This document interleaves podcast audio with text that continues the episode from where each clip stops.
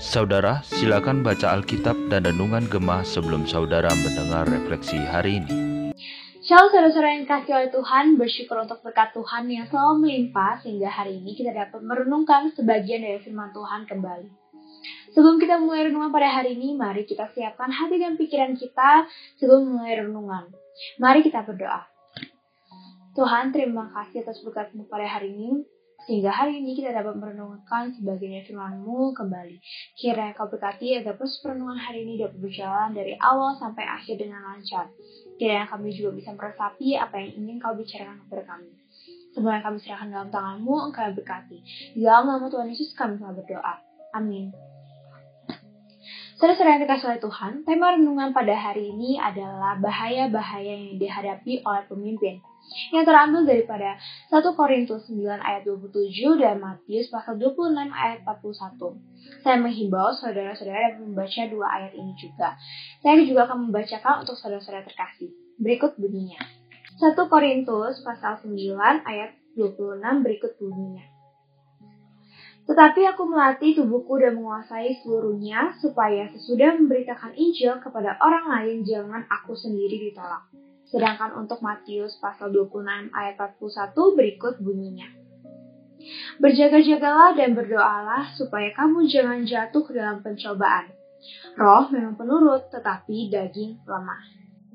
Saudara-saudara terkasih oleh Tuhan, terkadang seorang pemimpin mengira bahwa pilihan mereka merupakan pilihan yang paling tepat, sehingga perlahan-lahan demi perlahan bahwa mereka merasa mereka tidak akan berbuat salah. Hal ini merupakan menjadi hal yang bahaya bagi seorang pemimpin ketika ada munculnya benih-benih merasa ia merupakan orang yang paling benar.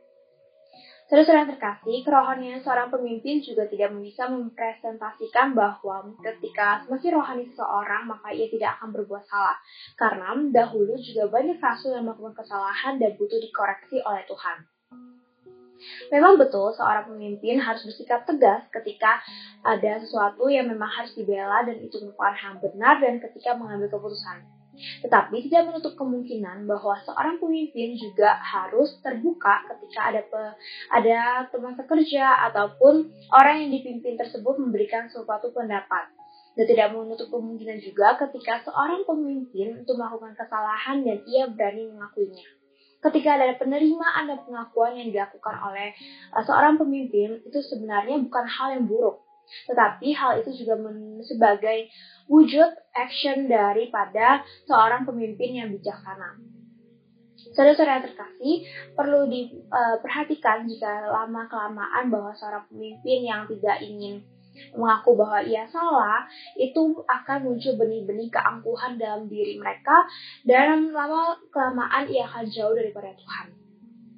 Selain itu, saudara-saudara yang terkasih, terdapat bahaya lain yang bisa dianggap berbahaya, sangat berbahaya bagi seorang pemimpin ketika ia merasa bahwa tidak ada yang bisa menggantikan ia. Dan ketika hal ini muncul, pasti ia merasa bahwa kejayaan mereka merupakan hal yang terbaik dan tidak ada yang bisa menggantikannya. Saudara-saudara terkasih coba bayangkan ketika Musa pada saat itu memaksa untuk memimpin bangsa Israel dari awal sampai akhir. Maka Yosua tidak akan memiliki kesempatan untuk memimpin bangsa Israel dan belajar menjadi seorang pemimpin. Dan ketika ada pemimpin yang merasa bahwa ia merupakan yang paling hebat, ia sulit untuk memberikan uh, kesempatan bagi orang lain belajar memimpin dan pastinya ia selalu membandingkan pemimpin baru dengan pemimpin dirinya.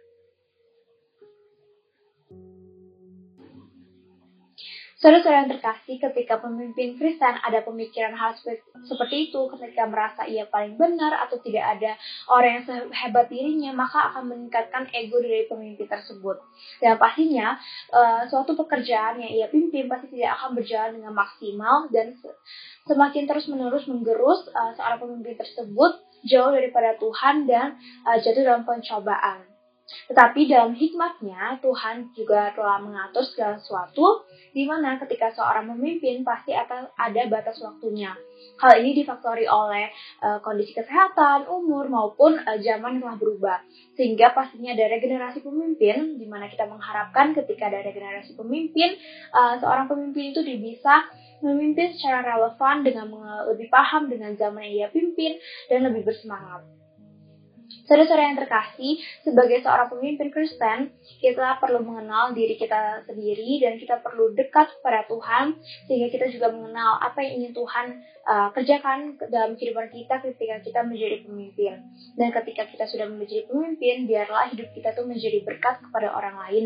Dan jangan biarkan uh, merasa bahwa ketika kita seorang pemimpin, semua orang harus takut kepada kita tetapi seorang pemimpin baiknya merangkul uh, setiap orang yang dipimpin dan menerima satu sama lain, sehingga nantinya akan menjadi berkat bagi orang-orang di sekitar kita. Tuhan memberkati, mari kita berdoa. Tuhan, terima kasih atas berkat pada hari ini sehingga proses perenungan hari ini dapat berjalan dari awal sampai akhir. Tuhan memang sebagai seorang pemimpin pastinya banyak uh, tantangan yang dihadapi baik menurut ego, merasa ingin paling dihormati dan segala macamnya.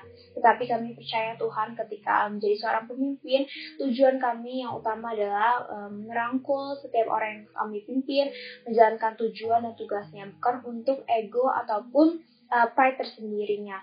Tuhan kiranya kalau juga berkati kepada orang-orang yang menjadi pemimpin baik di negara maupun di gereja bisa menjadi berkat bagi semua orang.